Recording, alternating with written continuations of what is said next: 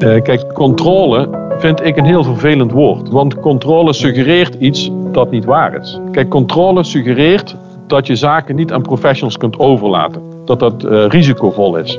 In deze aflevering spreek ik Hans Fuchs. Als er iets gebeurt in de samenleving of iets gaat niet goed genoeg, dan zien we in de politiek de Pavlov-reactie wet en regelgeving. Daar moeten we vanaf. Hans is directeur-bestuurder bij OBSH, Openbare Basisscholen Helmond. Bij controle en verantwoorden wordt de norm door een ander bepaald. En bij vertrouwen geven maak je zelf de norm. En als je al niet genoeg vertrouwen hebt in jezelf, hoe kun je dan de ander vertrouwen geven? Kerngedachte moet altijd zijn in ons werk, werk vanuit de bedoeling. Weten waarom je iets doet, wat het moet opleveren. Want dan ga je ook met de goede focus en energie uh, dat project doen. Mijn naam is Janja Hubeek en ik ben benieuwd waarom Hans vanaf het begin betrokken is bij de beweging Leven het Onderwijs. Welkom Hans in de podcast van Leven het Onderwijs. Goedemorgen. Dankjewel dat ik um, even met jou in gesprek mag gaan, Jan-Jaap. Ja, leuk je te ontmoeten. We zitten nog in coronatijd en we zitten op de digitale wereld. Uh, ontmoeten wij elkaar nu. Jij bent een bijzondere man. Je hebt ook een bijzondere achtergrond. Kan jij de luisteraar even meenemen die jou misschien nog niet zo goed kent? Jouw perspectief op het onderwijs, maar ook een beetje hoe jij hier gekomen bent waar jij nu zit. Uh, nou, ik weet niet of ik zo bijzonder ben. Uh, ik vind mijzelf een heel uh, gewone man, maar wel iemand met duidelijke ideeën over wat hij doet. Ik ben nu vijf jaar bestuurder bij de openbare basisschool in Helmond. Ja, ik weet niet precies wat je dan gehoord hebt. Misschien kun je dat even toelichten. Nou, ik zie dat je ook een culturele achtergrond hebt. Ik zie dat je bij de Fontes hebt gezeten. Oh. Je hebt in ieder geval bewogen en je hebt je in meerdere sectoren in ieder geval ontwikkeld. Want het is ook niet dat je er een maandje bent geweest, maar je hebt je ook langere tijd verbonden. Dus, dus hier zit een verhaal achter, dacht ik. Nou, dat is zeker zo. Dat ik heb een bepaalde opvatting uh, over hoe dat je naar het leven kan kijken. En uh, ik heb uh, behoorlijk wat lange reizen gemaakt. En dan, dan zie je hoe dat op andere plekken gaat. Wat wij aan over overbodige dingen allemaal zien en doen die ons een beetje afleiden van de werkelijke vraag. En dat is hoe kan je gelukkig worden? Ik vind dat een hele belangrijke opdracht die we in de samenleving hebben, maar ook, zal ik maar zeggen, in het onderwijs. En op het gevaar af dat het een, beetje de verkeerde kant uit gaat met dit gesprek. Maar ik heb twee keer de Dalai Lama mogen ontmoeten. En hij heeft uh, heel duidelijke uitspraken gedaan in die ontmoetingen. Hij zei van. Uh, je hoeft niet te zoeken naar de zin van het leven, want eh, die is er niet. Je wordt geboren, je gaat een keertje dood. Wat je kan doen is dat je probeert in die tussentijd eh, gelukkig te zijn. En eh, het zou wel mooi zijn als je jouw geluk niet ten koste van een ander wil bereiken, want je moet daar samen voor zorgen en geluk dat vermenigvuldigt zich. Nou, dat zijn heel, voor mij heel inspirerende uitspraken van ik denk, ja, als je nou eens alles een beetje afpelt van waar komt het dan in feite op neer? En wat is dan onze opdracht die wij in het onderwijs bijvoorbeeld hebben?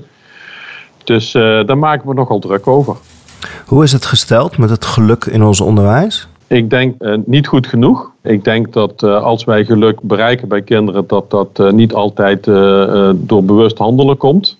Dat dat meer een nevenproduct is. En wij bij onze stichting OBSH hebben een nieuw koersplan. Dat bestaat uit vier zinnen. En een van die vier zinnen is: jouw geluk is onze motivatie. En uh, een van de dingen die, die wij doen is: we proberen zaken die kinderen ongelukkig maken niet meer te doen. En dat klinkt heel logisch. Maar ik geef een voorbeeld. Uh, als jij kinderen een toets wil laten maken waarvan je van tevoren weet dat ze die niet goed kunnen maken, dat ze daar slecht op gaan scoren, waarom doe je dat dan? Want dat, dat is echt niet bijdragend aan een positief zelfbeeld. Dus ik vind dat leerkrachten de eh, kinderen die toets dan niet moeten laten maken. Nou, zo kan je op meerdere momenten nadenken over uh, dingen die wij in het systeem onderwijs doen, waar kinderen erg ongelukkig van maken en wat echt negatieve gevolgen heeft voor hun persoonlijke ontwikkeling. En op zo'n momenten kan je dus wel heel bewust bezig zijn met het thema geluk. En dat betekent niet dat je kinderen uh, alleen maar op de tafels laat dansen, maar wel dat je heel bewust bezig bent met wat je doet. Je wordt geïnspireerd door zo'n uitspraak. Ik neem aan dat je er lang over na hebt gedacht. En nu heb jij vier zinnen waarin dat een van de ankerpunten is van je koersplan. Hoe, hoe neem je zo'n boodschap mee en, en hoe verzorg je dat het ook een, een waarde wordt in het onderwijs? Jouw vraag heeft verschillende perspectieven. En je, de eerste vraag die je mij stelde, wat is jouw perspectief op onderwijs? Uh, nou, daar begint het eigenlijk. Hè. Dus uh, we hebben in Nederland geen generieke opvatting over het onderwijs. Niet over waar het toe dient, wat het moet opleveren, wanneer het goed genoeg is. Daar hebben we gewoon geen opvatting over. Artikel 23 geeft scholen en organisaties veel ruimte om die vraag zelf te beantwoorden. Nou, daar zit natuurlijk een kern eh, van het probleem. Dat we met z'n allen niet precies weten wat we aan het doen zijn. En tegelijkertijd heeft de politiek allerlei opvattingen en stopt het onderwijs vol met maatregelen, regelingen, opdrachten enzovoorts. Ja, daar is zoveel dynamiek daardoor in het onderwijs. En scholen en vooral leraren hebben niet meer het idee dat ze zelf eh, de centrale figuur zijn. Nou, en dat wil ik graag terugbrengen. En daarvoor moet je met leraren in gesprek over wat ze elke dag doen in hun vak met kinderen, wat daar de bedoeling van is. Nadenken over wat is de bedoeling van ons onderwijs. En omdat daar geen algemene maatregel voor is van wat het moet zijn, heb je heel veel ruimte om daar met z'n allen over na te denken. Uh, een van mijn uitspraken is: als je ergens niet in gelooft, stop er dan mee. Maar dat betekent natuurlijk wel dat je dan moet aangeven waar je wel in gelooft, wat je dan wel gaat doen. En dat is een hele mooie dynamiek die je dan met elkaar bereikt. Daar stop ik energie in. En als jij de vraag zou beantwoorden, waartoe dient ons onderwijs? Wat, hoe zou jij dat omschrijven? Ik denk uh, vooral om uh, gelukkige mensen te krijgen. En uh, daarvoor heb je heel veel nodig, want je hoeft kinderen niet te motiveren als je ze in een situatie brengt die ze gelukkig maakt. Want dan zijn ze enorm gemotiveerd en betrokken. Je moet ze wel motiveren als je iets wil laten doen wat hen eigenlijk niet interesseert. Ja, dan heb je een probleem. Maar dat probleem creëer je hartstikke zelf. Ja, dat is hoe ik daarnaar kijk. Uh, dus volgens mij is onze centrale opdracht hoe kunnen we werken uh, aan het geluk van elkaar, dus van de kinderen, maar daardoor krijg je ook gelukkige leraren. Dan toch even dat we dezelfde woorden begrijpen. Hoe zou jij geluk omschrijven? Nou, geluk is uh, best een groot woord uh, natuurlijk. Hè, maar ik denk dat als je het voor je ziet, hè, de, als je de stralende ogen van kinderen ziet, als die betrokken bij iets zijn, als ze erover vertellen, als ze enthousiast zijn, als ze hun gedrag daardoor veranderen, want leren is gedragsverandering. Als je dat toneelstuk voor je ziet, dan denk ik dat je het goed doet. Terwijl als je ziet dat kinderen worstelen, dat ze iets niet kunnen, dat ze externaliserend gedrag laten zien, dat ze druk worden, ja, dan kun je wel zeggen dat is een druk kind. Nou, zo'n uitspraak eh, vind ik moeilijk om te accepteren. Want dan zeg ik, dit kind gedraagt zich in deze situatie zo, bijvoorbeeld druk. En je moet je afvragen wat jij als professional kan doen om dat kind in een andere situatie te krijgen. En dan zie je dat het kind wel kan functioneren en gelukkiger wordt. En ik weet echt wel dat het niet zo makkelijk is als ik het nu zeg, maar dat moet wel je intentie zijn. Eigenlijk heb je gewoon een, een, een pedagogische opdracht. Absoluut. Ja, daar heb ik laatst, uh, want jij vertelde uh, dat jij zelf uit de hogeschool komt, hè, een pedagogische hogeschool. Ik heb daar met uh, de hogeschool hier in Helmond regelmatig gesprekken over. Dat is de beste pabo van Nederland al jaren. Ik vind dat zij het woord pedagogiek te weinig uitdragen. Ze zijn een pedagogische hogeschool. Ik denk dat wij in ons onderwijs meer nadruk moeten leggen op dat pedagogische stuk. Hoe geef jij dan pedagogisch leiderschap in jouw organisatie? Hoe ziet dat eruit of hoe geef je daar vorm aan? Ik denk dat uh, opvoeden, of laten we zeggen elkaar opvoeden, elkaar meenemen, dat dat een heel sterk, uh, heel sterk proces is. Dus uh, ik denk dat je vooral uh, met elkaar voortdurend het goede gesprek moet voeren. Als het gaat over de vraag wat is goed onderwijs, daar heeft uh, professor Eddie Dennissen over gezegd: goed onderwijs bestaat niet. Dat lijkt een rare uitspraak, maar dat is een volstrekt logische uitspraak. Want als je zou zeggen goed onderwijs is dit of dit of dit, dan doe je altijd bepaalde groepen, bepaalde kinderen tekort voor wie dit onderwijs dan net weer niet het goede onderwijs is. Dus wat hij probeert aan te geven is dat je elke dag met elkaar het gesprek moet voeren over de vraag wat is in deze situatie het goede gesprek. Wat ik probeer te voorkomen is dat leerkrachten het idee hebben dat ze van mij iets moeten. Ja, dat moet van Hans. Nee, van mij moet niks. Ik wil ervoor proberen te zorgen dat jij zelf weet wat moet. En ik heb een prachtig kantoor waar ik nu zit in jouw interview. Maar ik kan echt niet vanuit dit kantoor regelen dat elke leerkracht om half tien doet wat ik wil. Ik kan wel proberen ervoor te zorgen dat elke leerkracht zelf weet wat hij op dinsdagmorgen om half tien moet doen. En dat is een, echt een andere benadering van uh, hoe je samenleeft, hoe je samenwerkt en het antwoord wil vinden op de vraag wat is goed onderwijs. Even voor de luisteraar, achter jou hangen een aantal foto's. Kan jij even vertellen uh, wat er achter jou voor foto's hangen en, en vooral ook waarom? Ja, dat kan ik. Daar hangen een paar hele mooie foto's. Die maken overigens deel uit van een wisselende collectie. We hebben een klas voor hoogbegaafde kinderen, een fulltime klas. En die hebben een uh, aantal jaar geleden een kunstuitleenbedrijf opgestart. Hartstikke leuk, dus iedereen kan daar kunst uh, lenen. En je ziet nu een, een collectie en die gaat over 75 jaar bevrijding. En die heet De Oorlog in Mijn Stad. Wij kregen van de gemeente Helmond de vraag: kunnen jullie in het onderwijs een bijdrage leveren aan 75 jaar bevrijding? Toen ben ik zelf gaan nadenken over de vraag: ja, Tweede Wereldoorlog, uh, hoe kan ik dat levend maken voor jonge kinderen in deze tijd?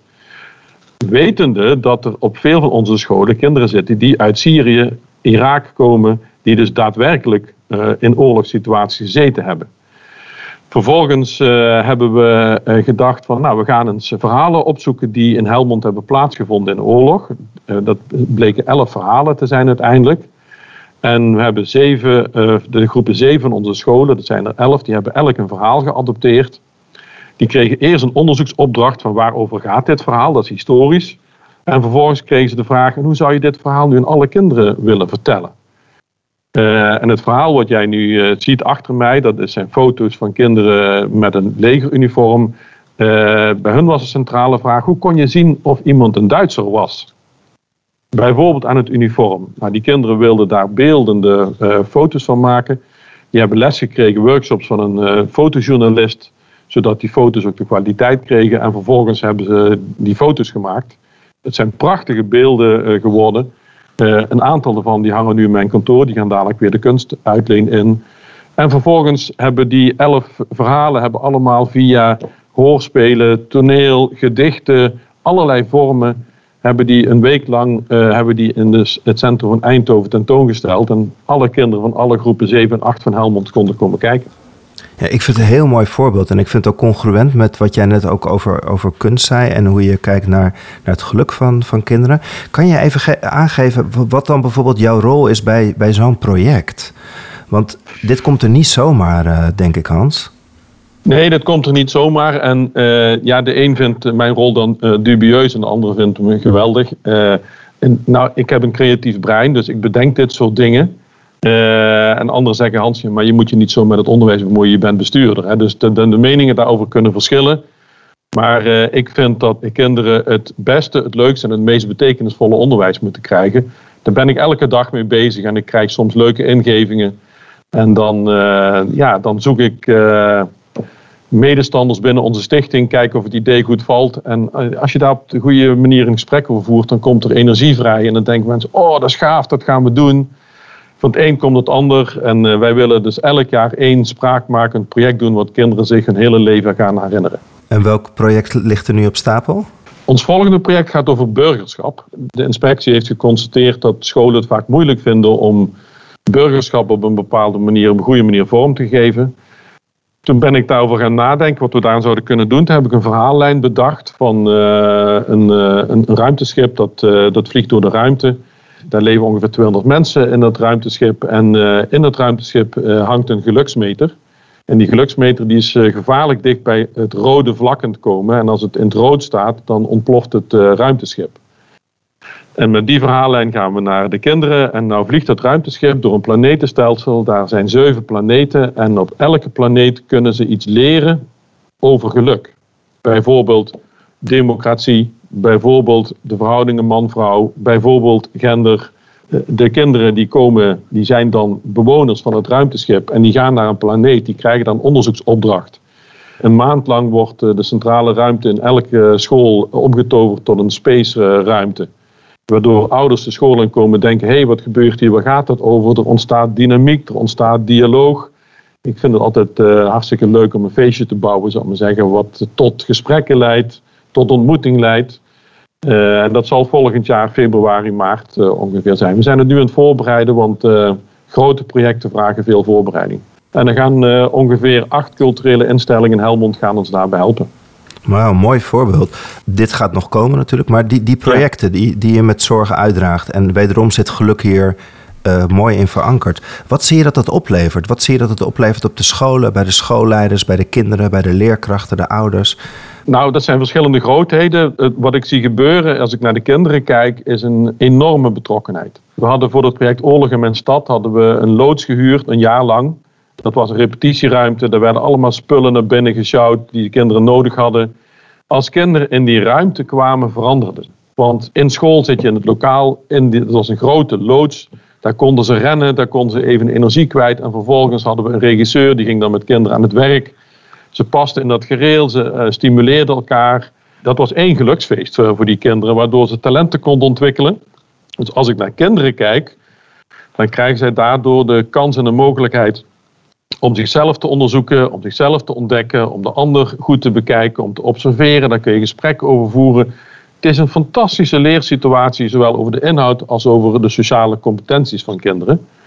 Uh, leerkrachten vinden uh, het soms lastig, want een project doet een inbreuk aan een jaarprogramma. Ja, dat roept vragen op. Wanneer moet dat dan? Wie moet dat dan? Maar zolang als we heel veel service verlenen aan leerkrachten, dus als we kant-en-klare dingen aanbieden, dan raken leerkrachten daar enthousiast over. En zeker die leerkrachten die heel erg goed begrijpen wat de bedoeling is. Kerngedachte moet altijd zijn in ons werk, werk vanuit de bedoeling. Weten waarom je iets doet, wat het moet opleveren. Want dan ga je ook met de goede focus en energie uh, dat project doen. Dus in de regel leidt het tot heel veel enthousiasme. Maar uh, kritiek is ook wel eens dat die Hans met zijn grote projecten overal doorheen fietst. ja? Ja, dat is ook zo. Ja. hoe ga je ja. daarmee om? Nou ja, ik ga overal en altijd het gesprek over uh, aan. Soms zeg ik, ja, weet je, dat is dan maar zo. Jij bent een van de uh, mede-initiatiefnemers en ondertekenaars van het manifest van controle naar vertrouwen van levend onderwijs. Onlangs hebben ja. ze zich scherp uitgesproken over onze toetscultuur. Maar als ik jou zo beluister, dan werk je al heel erg vanuit de bedoeling. Dus waarom is het nodig dat er een levend onderwijsbeweging is en al helemaal een manifest om van controle naar vertrouwen? Je, je gaat uit van vertrouwen en geluk. Ja, absoluut. Nou ja, kijk, uh, onlangs is uh, Karen Heij gepromoveerd op een onderzoek rond uh, toetsen en de eindtoets. Nou, dat is denk ik met recht een baanbrekend onderzoek. Dat zou elk onderwijskundige zou dat moeten lezen. En dan zie je hoezeer we zijn weggebleven van de bedoeling. dus iedereen moet dat onderzoek lezen. Even heel kort, wat raakt jou in ja. dat onderzoek? Wat mij aan het onderzoek raakt, is dat er ooit een idee is geweest om van een leraar die zegt: Goh, ik heb uh, groepen kinderen uh, voor me en ik wil graag weten of het onderwijs een beetje oplevert. Dus als die kinderen een beetje gaan volgen vanuit het idee. Ja, dan kan ik, uh, als ik kinderen een toetsje laat maken, kan ik zien wat kunnen ze al, wat kunnen ze niet. En dan kan ik kijken, moet ik ze nog extra instructie geven? Heel kind nabij, in de kleine klas, kinderen volgen. En als je ziet tot hoe we dat systeem opgeblazen hebben, dat bijna de toekomst van een kind afhangt of hij een goede CITO-eindtoets maakt. Nou, dat is volstrekt niet meer in lijn met de bedoeling die dat toetsen ooit een keer gehad heeft. Want toen ging het juist bij die mensen over de sterke verbinding tussen de leraar en het kind en om het kind verder te brengen. Uh, kijk, controle vind ik een heel vervelend woord. Uh, want controle suggereert iets dat niet waar is.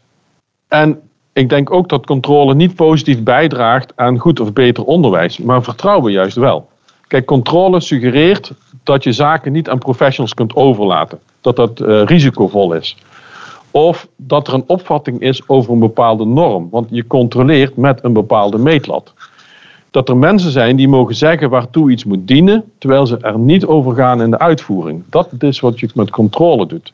We hebben in de samenleving twee controlemechanismen afgesproken. Het ene is de accountant ziet bij mij toe op de bedrijfsvoering. En de inspectie ziet toe op de kwaliteit van het onderwijs. Ik denk dat dat gewoon voldoende is om ervoor te zorgen dat mensen de ruimte krijgen om terug te gaan naar de bedoeling.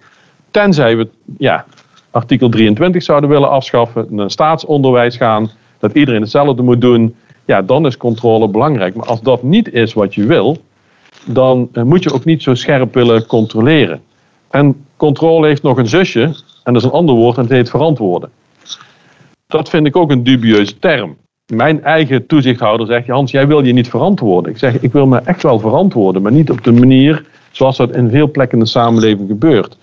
Ik vind uh, samenwerken, transparant zijn, aanspreekbaar willen zijn, dat vind ik wel goede termen. En het verschil tussen die twee termen is dat bij controle en verantwoorden wordt de norm door een ander bepaald. En bij vertrouwen geven, geef, maak je zelf de norm. Want dan bepaal je zelf wat goed onderwijs is en dan probeer je zelf een manier te vinden om daar te komen. Dat is een 180 graden andere beweging en dat levert ander gedrag op bij mensen. Dat levert andere werkmotivatie op. Dus controle en verantwoorden zijn uh, giftige termen voor mij. En zeker op de manier waarop daar invulling aan gegeven wordt in de samenleving. Dan toch even, je loopt ook wat langer mee, je hebt, je hebt een ruim perspectief. Je zegt stop als je er niet meer in gelooft. Dat hoeft niet van mij. Artikel 23 geeft veel ruimte. Er is veel ruimte in ons onderwijs. Waarom zijn wij zo afgedreven naar die controle en verantwoording? Want als niemand die opdracht geeft, waarom doen we het dan? Ja, dit is echt een hele mooie vraag die je nu stelt. Dat klopt. Er is heel veel ruimte. Hè. De, uh, de inspectie heeft een aantal jaar geleden een heel mooi roze boekje uitgegeven. Waarin ze zelfs uh, scholen, leraren oproepen om die ruimte te benutten. Er is heel veel ruimte, maar er zitten heel rigide manifeste systemen in ons onderwijs. Ik spreek de laatste tijd uh, nogal wat collega's over het NPO, het Nationaal Programma Onderwijs. En de indruk die ik dan krijg is dat heel veel mensen het NPO als een probleem zien wat ze moeten oplossen. En dan gaan ze voor uh, de analyse, gaan ze formatjes bedenken, er komen allerlei uh, methodieken, er komen richtlijnen, er komen criteria om maar alles te kunnen beheersen, te kunnen duiden. Dus dat is in problemen uh, denken. Wat wij doen in onze stichting is zeggen, we hebben zoveel zelfvertrouwen dat wij de goede dingen doen, dat alles wat wij doen past in de bedoelingen van het nationaal programma. En als je al niet genoeg vertrouwen hebt in jezelf, hoe kun je dan de ander vertrouwen geven? Dan schiet je dus in de Pavlov-reactie van de controle. Ik denk dat wij daar zelf verantwoordelijk voor zijn. Dat uh, dus uh, vorig jaar overleden professor Dolle van den Berg, die heeft in 1992, want het klopt, ik ga al een tijdje mee, toen ik onderwijskunde studeerde, had hij al een spraakmakend uh, boek en hij had het over de paradigma shift. En die paradigma shift die hebben we nog steeds niet gemaakt. Wat hij toen zei is, we moeten niet denken in programma's en structuren, maar we moeten denken in processen die ontwikkeling stimuleren. Uh, we moeten niet denken aan er is een rechte lijn te trekken tussen A en B, want die, die lijn tussen A en B is juist waanzinnig interessant. Ik ben een procesdenker, ik ben een overtuigd Rijnlands denker. Ik vind juist de kreet wie het weet mag het zeggen, vind ik een geuzetitel. Want ik vind dat degene die het werk moet doen, die moet het mogen zeggen. En ja, dat vraagt veel van mij als bestuurder. Want uh, niet elke uh, leerkracht is opgeleid en opgevoed met het idee dat hij antwoord moet geven op vragen. De leerkracht is vaak opgevoed met: uh, ik zal jou een trucje leren en dat moet jij in je klas gaan doen. Dus ja, het vraagt iets over de professionele ontwikkeling. Ja, we moeten daar heel veel energie in steken. Maar het begint ermee dat die leerkracht het idee krijgt: ik mag dat antwoord geven. Sterker nog, ik moet zelf dat antwoord willen geven. Daar stuur ik op en dat is Rijnlands denken. Niemand moet iets van mij. Je moet iets van jezelf. En je moet zelf weten wat je wil. Helaas is het zo dat we nu nog vaak in dat soort gesprekken overtuigingen van leerkrachten horen. Want zo heb ik het altijd gedaan. En een overtuiging vind ik niet goed genoeg. Er moet wel een soort kennisbasis zijn. Er moet een dialoog zijn. Want zeggen, ja, dat is nu eenmaal zo, is niet het goede antwoord. Uh, ja, dus daar stuur ik op dat mensen elke dag gemotiveerd zijn om dat gesprek te voeren over wat is goed onderwijs. Nou werk ik op een leraaropleiding. Als je ja. vanuit deze gedachte werkt, wat is dan jouw vraag of jouw opdracht aan leraaropleiding om toekomstige leerkrachten in dit gedachtegoed op te leiden? Nou, over die vraag zijn we gelukkig heel regelmatig in gesprek. En we, zien wel met elkaar een soort spanningsveld tussen het al dan niet sturende curriculum met de eindtermen waar de hogeschool naartoe moet werken en de vraag van het veld. En wat we hebben gedaan is in plaats van het curriculum als uitgangspunt te nemen de onderwijspraktijk in de school. Dus in ons uh, samen opleiden hebben we ons afgevraagd wat kunnen leer, aankomend leerkrachten beter leren in de praktijkschool dan op de hogeschool. En hoe gaan we dat vormgeven? Dat levert allerlei uh, weer mooie nieuwe vragen en dynamieken op die ervoor zorgen dat ook in het spel tussen de hogeschool en de besturen met name steeds die vraag uh, naar boven komt van wat zijn de goede dingen om te doen en waarvoor is het onderwijs bedoeld. En iedere keer als we in systeemoplossingen denken, spreken elkaar corrigerend toe en zeggen nee, maar dit is niet wat we moeten doen, want dan drijven we weer af van de bedoeling. Dan gaan we een probleem oplossen met een systeem en dat, dat helpt niet. Een van de systemen die er is, en daar heeft Dolf van der Berf uh, vlak voor zijn overlijden een heel mooi boek over geschreven, over ontwikkelingsgericht onderwijs. dat we eigenlijk integraal uh, die leerlijnen moeten kijken vanuit de ontwikkeling van kinderen van 0 tot 18. Hoe beweeg jij je op, op die lijn van uh, doorgaande leerlijnen, dus niet alleen maar PO, maar PO, VO overstijgend? Hoe beweeg jij daarin? De, die overgang PO-VO is best een moeilijk ding. omdat kinderen van het ene systeem in het andere systeem terechtkomen. Maar het zou wel mooi zijn als eh, kinderen daar op een andere manier ontvangen worden en dat het kind centraal staat in plaats van de leerstof en het systeem. Dat vindt het onderwijs vaak heel lastig. Hè? Als je het systeem zelf ter discussie stelt en daar vragen over stelt. Eh, een beweging als Agora, die durft dat wel en eh, die hebben daar resultaten in geboekt.